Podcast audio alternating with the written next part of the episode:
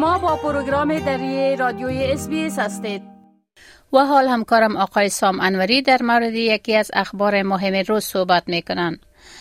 آقای سام انوری تشکر از شما. خوب حکومت استرالیا از افزایش تعداد استرالیایی های گیرمانده در نوار غزه و تلاش های خود بر خارج کردن آنها خبر داده.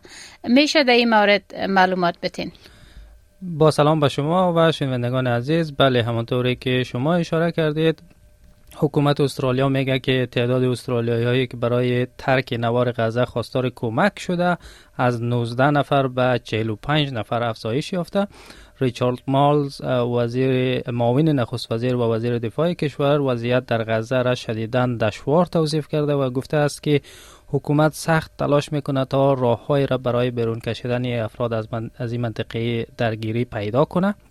آقای مالز گفت که استرالیا سعی دارد در هماهنگی با سایر کشورها یک مسیر بشردوستانه را برای خارج شدن اتباع خارجی از غزه ایجاد کنه اما تلاش ها در این مورد تا کنون به جای نرسیده و حکومت در شرایط بسیار بسیار چالش برانگیز هرچی در توان داره برای استرالیایی های گرمانده در غزه انجام خواهد داد. آقای مالز در پاسخ به این سوال که آیا این 45 نفر شامل کودکان هم میشه یا خیر؟ گفت که اینها شامل خانواده ها میشه. پس ما تصور می‌کنم که اینطور باشه. اما ما در حال همکاری بسیار نزدیک با اونها هستیم. همانطوری که می‌دانین سازمان فلسطینی حماس که نوار غزه را اداره می‌کنه در هفتم ماه اکتبر در یک اقدام غافلگرانه به خاک اسرائیل حمله کرد و 1300 اسرائیلی را کشت که مرگبارترین روز در تاریخ 75 ساله اسرائیل محسوب میشه.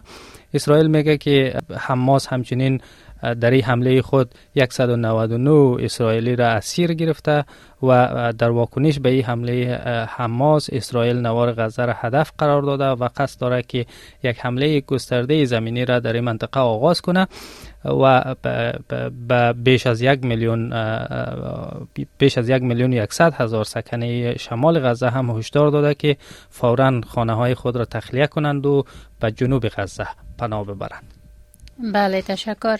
و همچنان گزارش شده که حکومت به استرالیا افتاده در غزه. توصیه کرده که به منطقه مرزی رفع بروند. در این مورد چی می‌دانیم؟ بله حکومت استرالیا به استرالیایی های گیر افتاده در غزه توصیه کرده که خود را به گذرگاه رفع در مرز غزه با مصر برسانه. و این تنها مرزی است که توسط اسرائیل کنترل نمیشه. و گفته که اگر تراش های بین برای باز کردن گذرگاه موفق شود این برای از فرصت ایجاد خواهد شد تا از غزه خارج شوند. به گزارش شبکه ABC وزارت امور خارجه استرالیا روز دوشنبه به استرالیایی های گرفتاده در غزه پیام داد و به آنها توصیه کرد که در صورت امکان خود را به گذرگاه رفع در مرز غزه با مصر برسانند. در این پیام آمده که وضعیت سیال و غیر قابل پیش بینی است و اگر آن را وضعیت را ایمین ارزیابی می‌کنین ما قویا توصیه می‌کنیم که بلافاصله به سمت منطقه گذرگاه رفع حرکت کنید در پیام همچنین آمده که ما نمی‌دانیم چی زمانی فرصت دیگری برای خروج شما از غزه پیش خواهد آمد یا ای که گذرگاه ممکن است تا چی مدتی باز بمانه خروج خود را به دلیل به تاخیر نندازید که درباره تدابیر بعدی پس از ورود به مصر مطمئن نیستید و افزوده که دولت استرالیا جزئیات حمایت را که در مصر از شما خواهد کرد به شما ارائه خواهد کرد. پنی وانگ وزیر خارجه استرالیا گفت که از تلاش های برهبری ایالات متحده آمریکا برای باز کردن یک مسیر بشردوستانه حمایت می‌کنه و سعی دارند که از طریق صحبت با مصر و اسرائیل زمینه خروج اتباع خارجی از غزه را فراهم کنند. بله. و در عین حال استرالیا موفق شد روز یکشنبه صدها استرالیایی را به باسه پرواز از اسرائیل خارج کنه. در این باره چی می‌دانیم؟ بله وزیر امور خارجه روز دوشنبه از انتقال صدها استرالیایی با دو پرواز نیروی هوایی استرالیا و یک پرواز خصوصی از اسرائیل به دبی خبر داد. و به بقیه استرالیایی های مقیم اسرائیل هم هشدار داد که ممکن است فقط یک فرصت دیگر برای فرار از این منطقه جنگی داشته باشند. خانم وان گفت که استرالیا تا اکنون به حدود 1200 استرالیایی برای ترک اسرائیل کمک کرده. او همچنین گفت که حکومت سعی داره برای بازگرداندن بقیه استرالیایی ها پرواز دیگری را هم ترتیب بده و از مردم خواست که اگر قصد ترک اسرائیل را دارن از این استفاده کنند.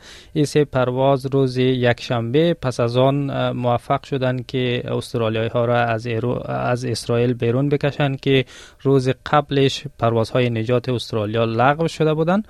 وزارت دفاع استرالیا پس از لغو پروازهای روز شنبه به دلیل نگرانی های امنیتی گفت که هواپیماهای نظامی برای تخلیه استرالیایی ها از اسرائیل در حالت آماده باش قرار, دادن، قرار دارند و به محض دریافت چراغ سبز می‌تونند که به پرواز درآیند.